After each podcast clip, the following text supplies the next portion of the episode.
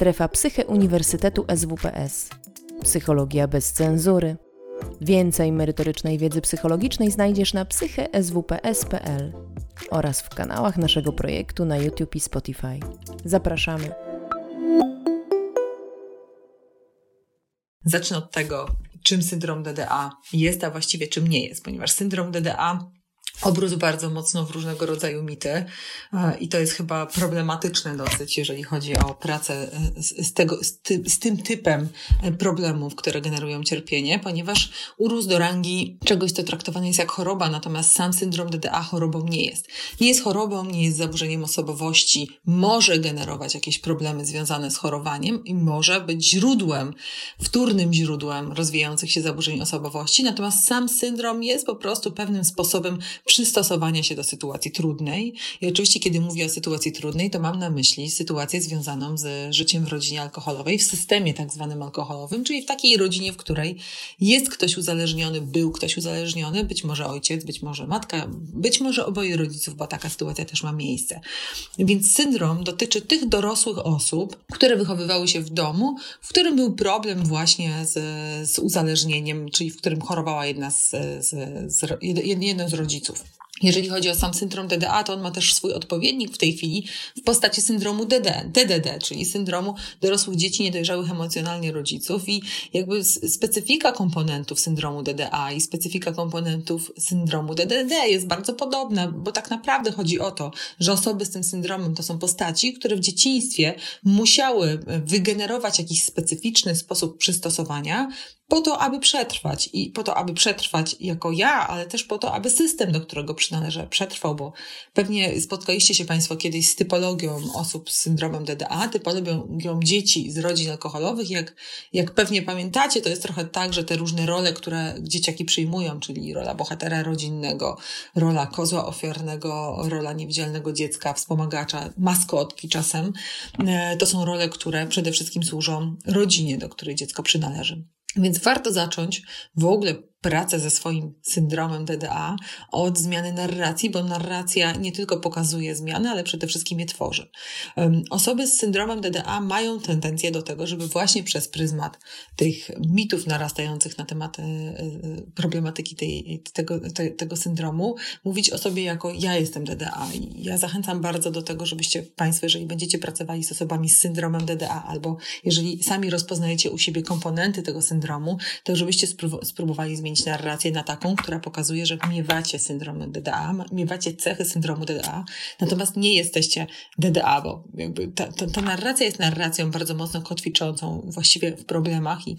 zawężającą pole, pole takiego, takich perspektyw związanych ze zmianą. Więc człowiek nie jest DDA, lecz cierpi na syndrom DDA, co oznacza, że w jego świecie przede wszystkim emocji, przekonań, doświadczeń i wyuczonych zachowań zostawiły swój ślad, sposoby adaptacji do życia w rodzinie z uzależnionym rodzicem i kiedy mówię o tym, że zostawiły swój ślad, to znaczy, że osoby z syndromem DDA w dorosłym życiu wciąż odtwarzają ten sam repertuar przeżywania, interpretowania świata, ale także reagowania na świat w sposób podobny do tego, co robiły w dzieciństwie. To oznacza, że ich scena jakby taka osobista, scena ich życia się zmienia, natomiast ich sposób reagowania się nie zmienia i to jest kłopotliwe, bo on jest już nieadekwatny. O, o tyle, o ile w dzieciństwie na przykład maskotka rodzinna w tej roli, dziecko w tej roli była potrzebna systemowi, do którego dziecko przynależało, ponieważ no, w jak, jakiś sposób rozładowywała napięcie. O tyle rola maskotki w dorosłym życiu u osoby, która pozostaje w zupełnie innych systemach, może być rolą ograbiającą i utrudniającą rozwój, a przede wszystkim na przykład utrudniającą podejmowanie dorosłych ról życiowych i to jest, i to jest szalenie ważne. Kto i dlaczego choruje i dlaczego to jest tak, że nie wszyscy? Przede wszystkim chorują, tak jak już, już Wam powiedziałam, te osoby, które się wychowywały w rodzinie z problemem alkoholowym, natomiast nie każda osoba która wychowywała się w rodzinie z problemem alkoholowym, to jest osoba, która cierpi na syndrom DDA. Nie można postawić takiego znaku równości pomiędzy historią mojego życia a występowaniem tego syndromu. To też nie jest tak, że tam, gdzie było bardzo dużo masywnych e, problemów związanych z uzależnieniem rodzica, to ten syndrom jest w dużej postaci, a tam, gdzie było ich mniej, to ten syndrom występuje w, takim, e, w takiej zawężonej wersji. Raczej tym, co moduluje ten, ten stopień doświadczania komponentów syndromu DDA jest nasza odporność psychiczna. Czyli w zależności od tego, jaką dziecko miało odporność psychiczną, jakie inne osoby uczestniczyły w życiu tego dziecka, jak ono radziło sobie na innych płaszczyznach, w innych środowiskach, na przykład w środowisku szkolnym, jaki to dziecko miało, y, y, jaką to dziecko miało odporność, zakresu odporności związanej z, z budową układu nerwowego, jakie inne wspierające relacje były w życiu tego dziecka. W zależności od tych wszystkich cech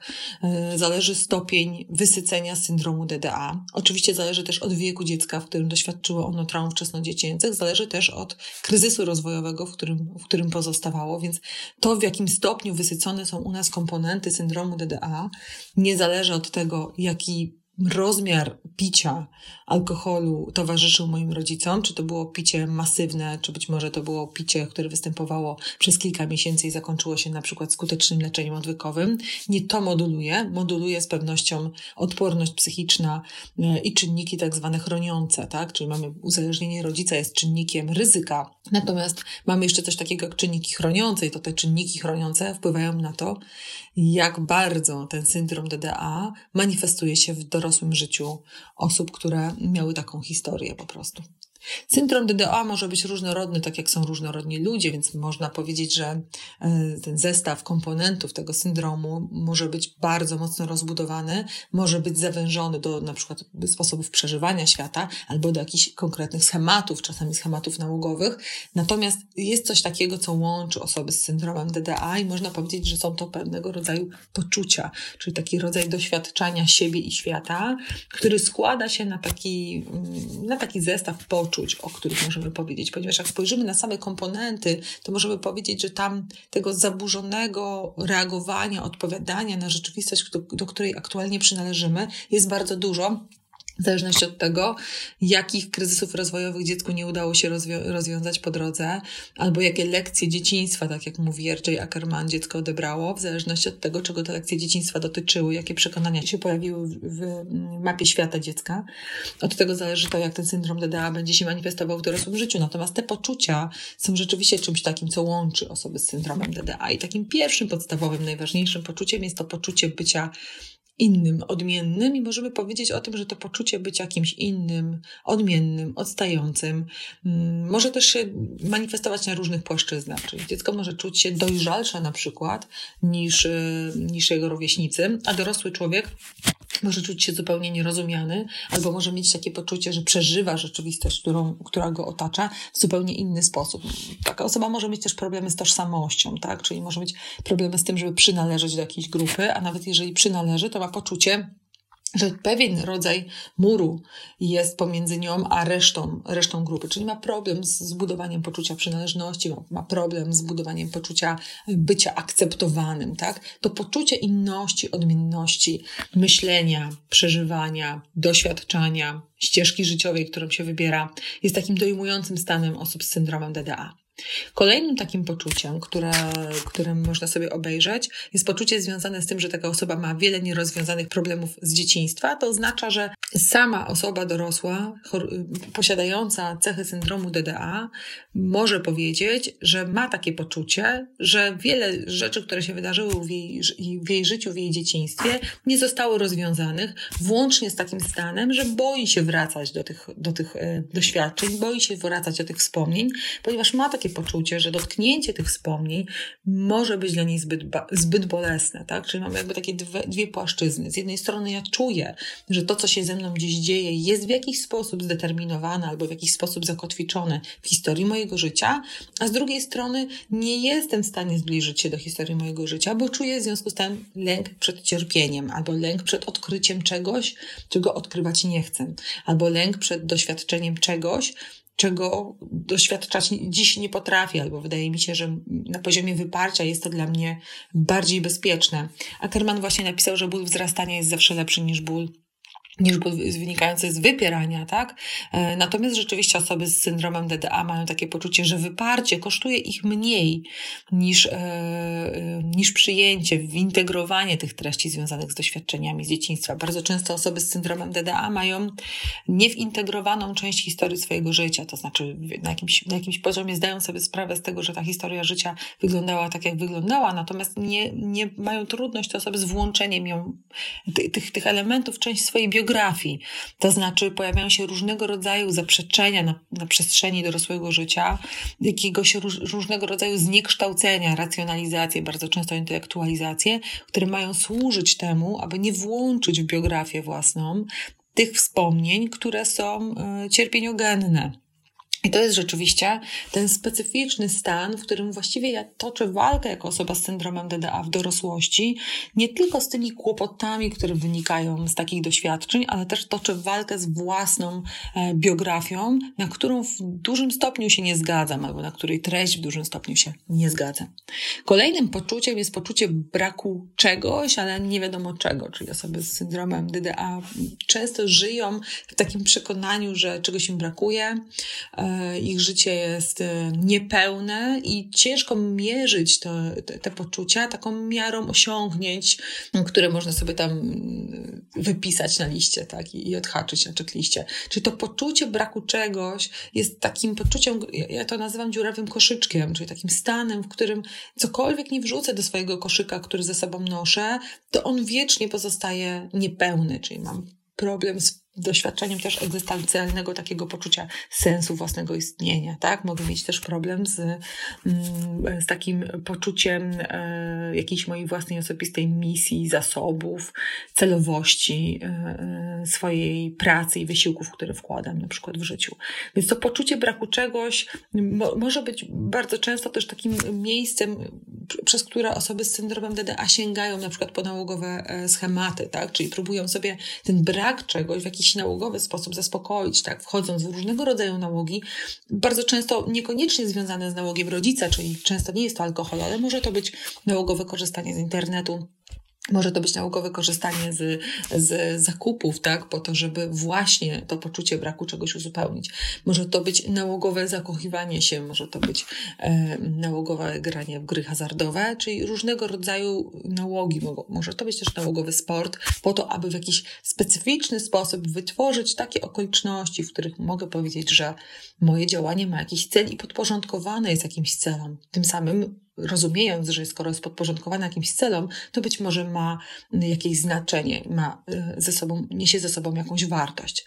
U osób z syndromem DDA bardzo mocno dominuje to poczucie, dodatkowo takie poczucie związane z tym, że są osoby, są obszary w ich życiu, w których są one kompetentne i takie, w których zupełnie sobie nie radzą. Można powiedzieć, że ten, ten, ten zakres umiejętności interpersonalnych, intrapersonalnych, on nie jest jednakowy w różnych środowiskach i, i trochę to dotyczy nas wszystkich, tak? Bo trudno powiedzieć, że była osoba, która na wszystkich płaszczyznach radzi sobie świetnie, tak samo świetnie. Natomiast u osób z syndromem DDA te różnice są bardzo wyraźne, tak? Czyli mamy postać, która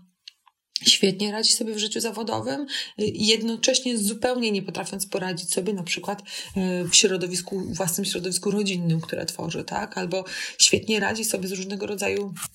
osiągnięciami, natomiast w środowisku społecznym w ogóle nie, nie jest w stanie e, zbudować satysfakcjonujących relacji. Więc ta nierównowaga, to poczucie nierównowagi może być oczywiście takim, takim punktem wyjścia do tego, żeby zacząć zastanawiać się nad tym, czy syndrom DDA jest czymś, co w jakiś sposób zmienia mój sposób przeżywania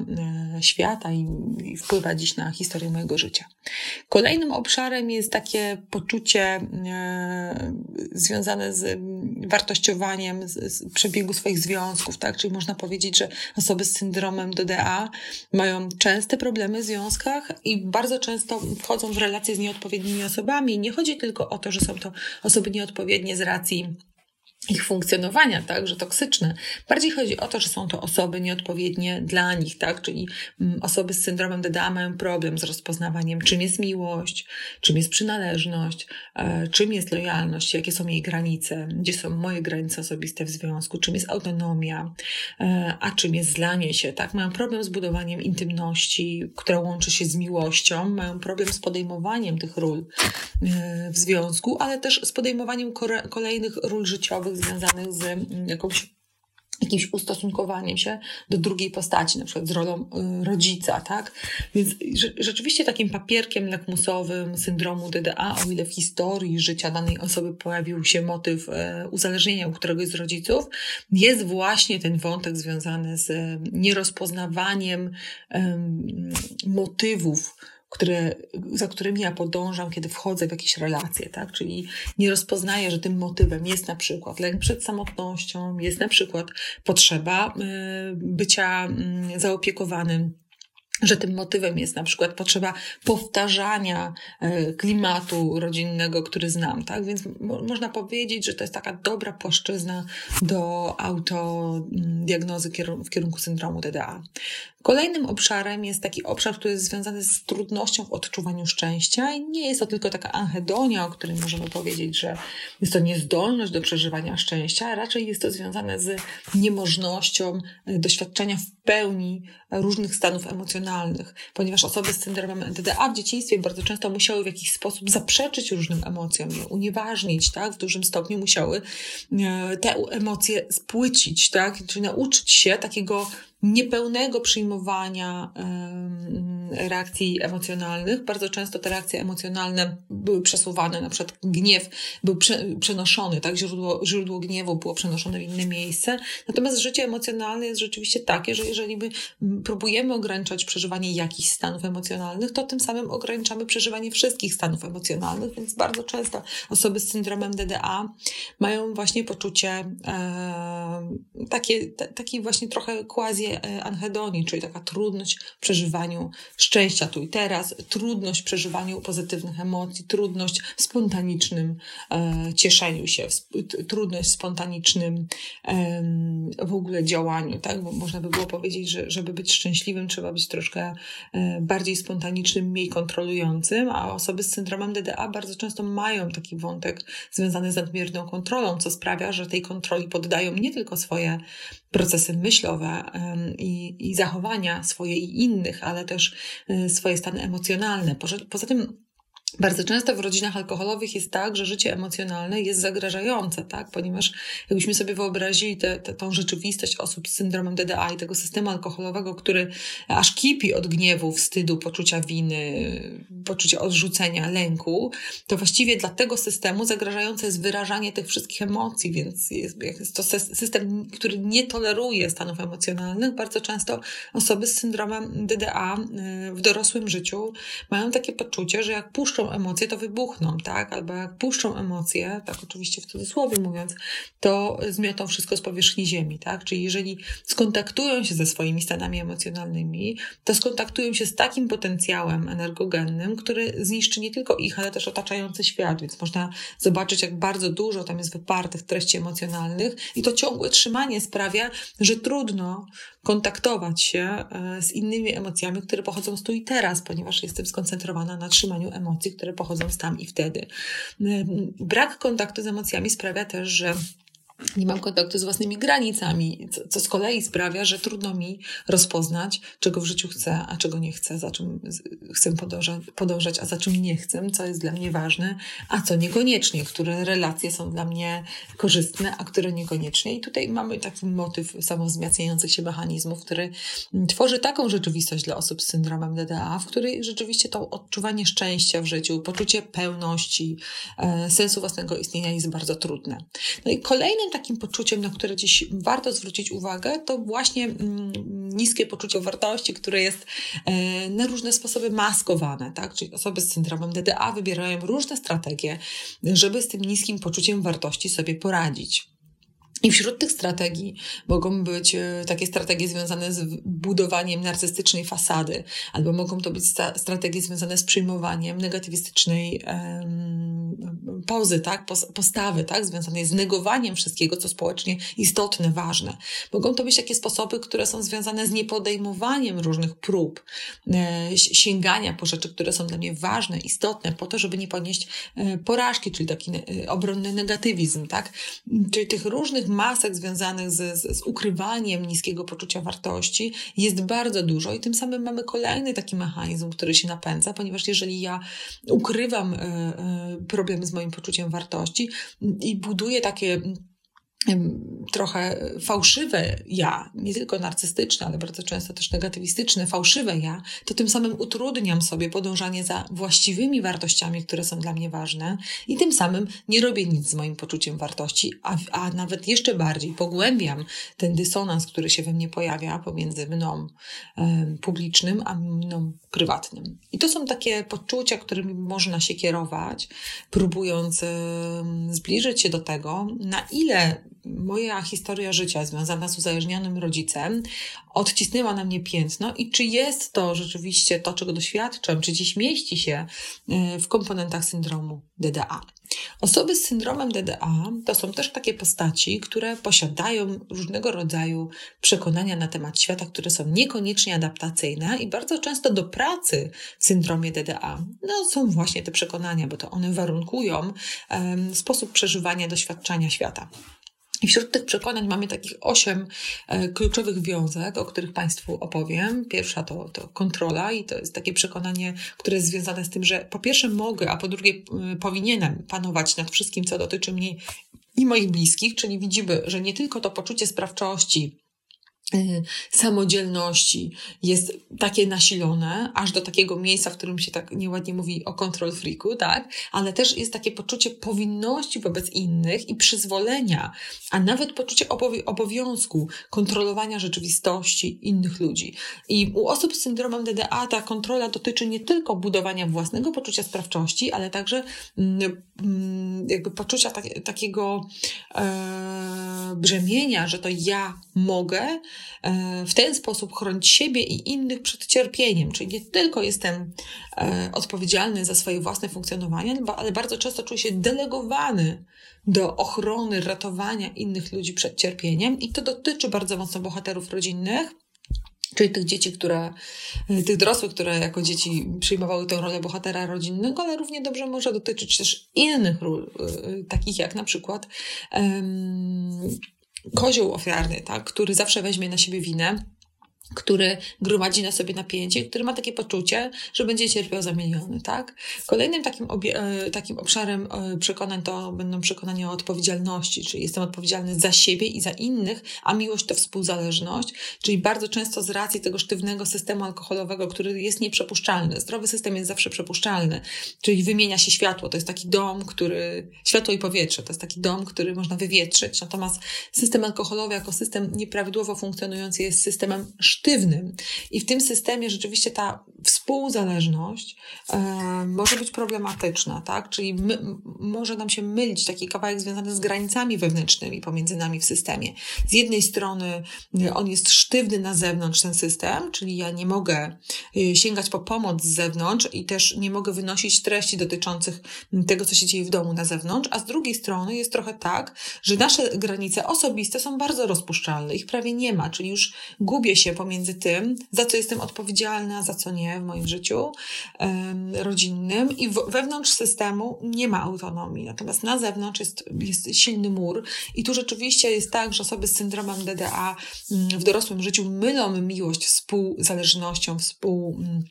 współodpowiedzialnością, stąd osoby z syndromem DDA bardzo często w przyszłości mają problem e, ze współuzależnieniem. Kolejnym obszarem to, są, to, jest obszar przekonań związanych z miłością, i tu mamy takie przekonania związane z tym, że e, bliskość jest zawsze kupiona cierpieniem, ranią najbardziej osoby, które nas kochają, miłość bez cierpienia nie jest prawdziwe, prawdziwa, że o miłość należy zawsze walczyć, e, że mm, ta walka tak, jest też bardzo często takim, takim źródłem kłopotów życiowych, takiego uwikłania się w relacje, e, które są już toksyczne tak, i niekorzystne, tak jak relacje osoby współuzależnionej z uzależnioną, więc tu rzeczywiście ta fantazja o tym, że prawdziwa miłość boli e, i że miłość jest źródłem cierpienia, może z jednej strony e, generować taką postawę, że osoba z syndromem DDA unika bliskości, więc wchodzi w relacje, na przykład, w których nie czuje miłości albo w ogóle nie angażuje się w żadne relacje, albo z drugiej strony może być tak, że e, nie rozpoznaje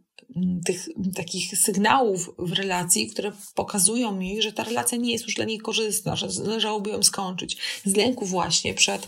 przed, przed utratą obiektu miłości, z takim przekonaniem, że o związek zawsze trzeba walczyć za wszelką cenę. No i kolejny obszar przekonań dotyczy emocji.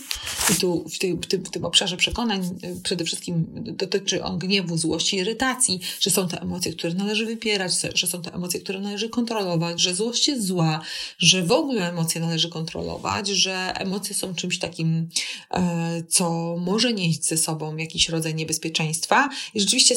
swobodna, spontaniczna ekspresja ja dla osób z syndromem DDA może być trudna. Tam ciągle pojawiają się takie wątki związane związane z usztywnieniem i trzymaniem jakiejś treści, stąd osoby z syndromem DDA bardzo często cierpią na różnego rodzaju somatyzacje, tak? Mm, jakieś choroby autoimmunologiczne częściej toczą walkę ze swoim ciałem, niż, e, niż osoby bez syndromu DDA. No i kolejne cztery obszary to, to jest związane z poczuciem własnej wartości, które się kręcą wokół takiego myślenia, że nie zasługuję na miłość, muszę się starać bardziej niż inni, nie oczekuję od innych zbyt wiele, no i że ta surowość w relacji ze sobą jest czymś, co służy, tak? Czyli, że zasługuje na surowe traktowanie siebie, czyli ten okrutny krytyk wewnętrzny, który jest częścią rzeczywistości osób z syndromem DDA, tej, tej rzeczywistości wewnętrznej, on rzeczywiście jest tym takim najważniejszym nauczycielem, który, który się pojawia. E, nie zasługuje na miłość oznacza nie tylko tyle, że ja mm, nie zasługuję, bo jestem niewystarczająco wartościowy, ale to oznacza też, y, że miłość jest zarezerwowana dla zupełnie innych ludzi, że jakby z racji godności, naruszonej własnej godności i niskiej pewności siebie, nie mogę powiedzieć, że mm, miłość jest czymś, co, co, po co ja mam prawo w ogóle sięgać, tak? Jakby to jest w kategorii nie tylko poczucia wartości, ale też praw osobistych, godności.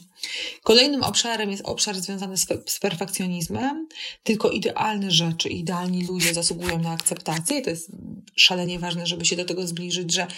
to generuje też taką dychotomię, czyli zasady albo wszystko, albo nic. I rzeczywiście osoby z syndromem DDA albo robią coś fantastycznie, albo nie robią tego w ogóle. Trudno im dostrzegać szarość rzeczywistości, która ich otacza dążą do, e, do perfekcji na różnych polach. I tu rzeczywiście z, z tej perspektywy e, powikłań towarzyszących bardzo często pojawiają się zaburzenia, różnego rodzaju zaburzenia e, odżywiania i różne inne zaburzenia związane z mm, oceną własnej atrakcyjności fizycznej, na przykład jakaś bigoreksja, tak, uzależnienie od sportu, albo ortoreksja, uzależnienie od zdrowego odżywienia, czyli te wszelkie formy kontroli przejmowania kontroli nad własnym ciałem, plus zaniżone poczucie wartości, plus dążenie do perfekcji jest takim pięknym yy, początkiem ku temu, aby rozwijały się e, zaburzenia związane z postrzeganiem własnego ciała. E, I rzeczywiście mm, badania prowadzone na tym systemami rodzinnymi pokazują, że ten specyficzny y, system rodzinny, sztywny, usztywniony, jest tym takim jednym z najważniejszych protoplastów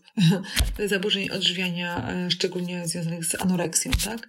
Mm, zresztą rzecz ma się podobnie do, w przypadku bulimii. No i kolejne przekonania dotyczą egoizmu, czyli tego, że nie mam prawa do własnych emocji, nie mam prawa do własnych potrzeb, nie mam prawa do własnych interpretacji, że potrzeby innych ludzi, emocje innych ludzi, interpretacje innych ludzi są ważniejsze e, i że przede wszystkim muszę zabiegać w relacji o akceptację i probatę innych ludzi i że nie mam prawa być egoistą, nie mam prawa koncentrować się na swoich prawach, prawach, potrzebach i emocjach e, i że rzeczywiście mm, jakby to, co muszę ciągle brać pod uwagę, to potrzeby innych, czyli to, to jest taki kawałek wykształcony z systemu właśnie alkoholowego, w którym to od nastroju innych ludzi, to od sytuacji rodzinnej zależało moje prawo do realizowania swoich zadań e, życiowych. I rzeczywiście osoby z syndromem ADDA w dorosłym życiu mają problem. Nie tylko dlatego, że mają to przekonanie, że ja nie mogę się zajmować sobą, ale też dlatego, że bardzo często nie mają dostępu do tego, mm, czego chcą, kim są, dokąd zmierzają i co czują, tak? Mówi się o tym, że jest to taki problem z dyferencjacją ja, czyli właśnie z e, trudnością w oddzieleniu swojego własnego wewnętrznego świata od świata przekonań, emocji, potrzeb innych ludzi. No i kolejnym obszarem przekonań jest, są przekonania o lojalności, czyli o fakcie, że nie mam prawa sięgać po pomoc, nie mam prawa się odseparować od mojego systemu rodzinnego i są sztywne. I rzeczywiście te, te mm, rodzinne y, zależności związane z rodziną pierwotną są tymi zależnościami, które najbardziej kotwiczą mnie e, w życiu i że sięganie po pomoc jest czymś, co mm, e, jest wymierzone przeciwko y, mojej rodzinie, systemowi, do którego przynależę i rzeczywiście w dorosłym życiu osoby z syndromem DDA mogą mieć tendencję do tego, żeby nie sięgać po pomoc innych,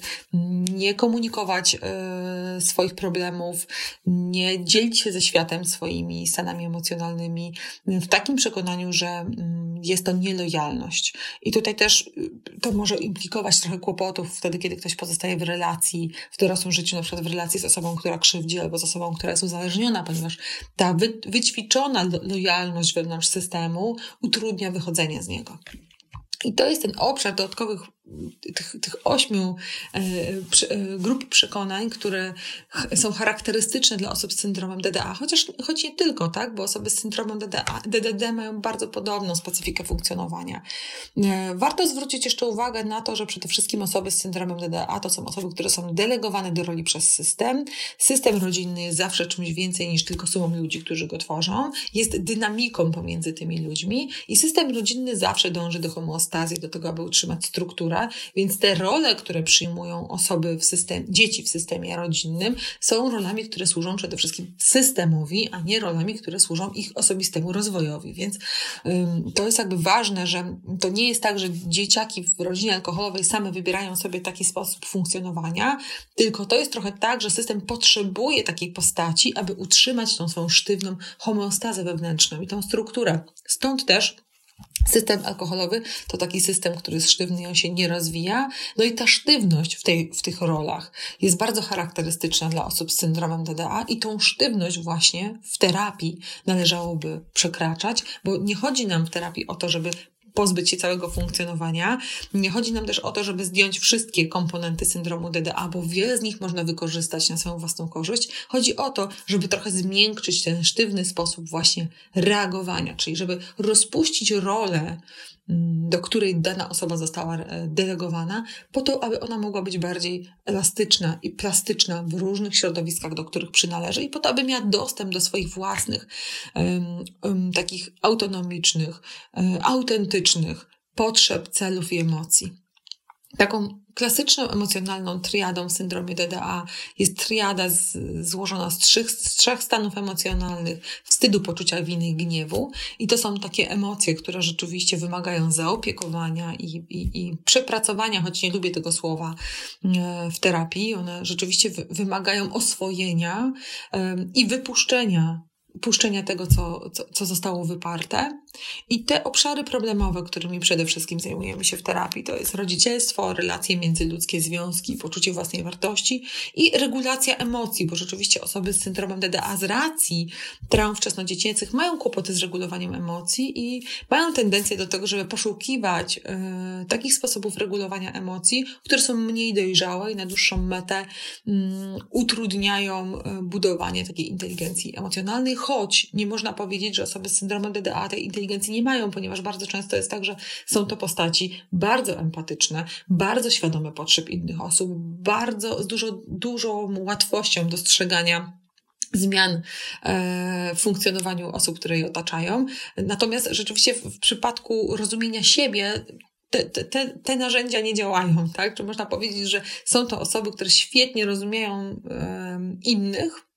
którzy ich otaczają i są zorientowane na innych, są trochę takimi kameleonami, które potrafią się dostosować do potrzeb tłumu, natomiast w, w przypadku rozumienia własnych e, stanów emocjonalnych i radzenia sobie z własnymi emocjami pozostają e, bezbronne, tak, jakby nie posiadają tych, tych narzędzi. I to, czym, czym chciałabym kończyć, to takim stanem egofobii, czyli takim punktem wyjścia do pracy z syndromem DDA, który jest charakterystyczny dla dla właśnie tej grupy e, klientów. Egofobia jest takim stanem, e, który jest związany z lękiem przed odkrywaniem siebie, z lękiem przed e, odkryciem tego, kim jestem,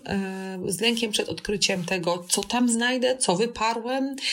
za czym chcę podążać, tak, dokąd chcę zmierzać. Egofobia jest takim problemem związanym z ciągłym maskowaniem osób z syndromem DDA, siebie na zewnątrz, ale też samych siebie przed samym sobą. I pierwszym takim punktem, pracy. Pierwszym takim kierunkiem jest przekroczenie właśnie tego stanu egofobii, jest otworzenie się na samego siebie, z lękiem, który pewnie będzie towarzyszył na, w tej drodze, ale też z, z, ufnością i nadzieją, że to, co tam odnajdę, e, nie jest e, e, toksyczne dla innych ludzi, bo to jest rzeczywiście taki stan, który, o którym e, osoby z syndromem DDA mówią, że boją się, że jak się staną w pełni sobą, cokolwiek by to nie znaczyło, ale dla mnie to oznacza, że jak będą bliżej siebie, jak będą e, bardziej uważni na siebie, jak będą bardziej autentyczni, czyli będą mówić to, co myślą i robić to, co mówią, e, to, że to będzie dla innych toksyczne i to będzie dla innych niebezpieczne i to jest taki przetrwalnik rzeczywiście z systemu alkoholowego, gdzie jesteśmy przede wszystkim delegowani do roli i rzeczywiście wyjście z roli może być niebezpieczne dla systemu. Jeżeli bohater rodzinny chciałby się mm, e, zbuntować i przeżyć swój okres dorastania i dojrzewania właśnie w pełnym buncie, wychodząc z roli bohatera rodzinnego, to, to dla innych członków tego systemu mogłoby być niebezpieczne, bo kto by wtedy dbał na przykład o młodsze rodzeństwo albo o matkę więc rzeczywiście to poczucie, że zbliżanie się do siebie może być niebezpieczne dla innych ludzi i zagrażające dla innych ludzi, jest takim e, dojmującym stanem, który trzeba przekroczyć, jeżeli e, chce się zacząć żyć troszeczkę inaczej, bo, bo rzeczywiście można powiedzieć, że osoby z syndromem DDA to są ludzie, którzy Mm,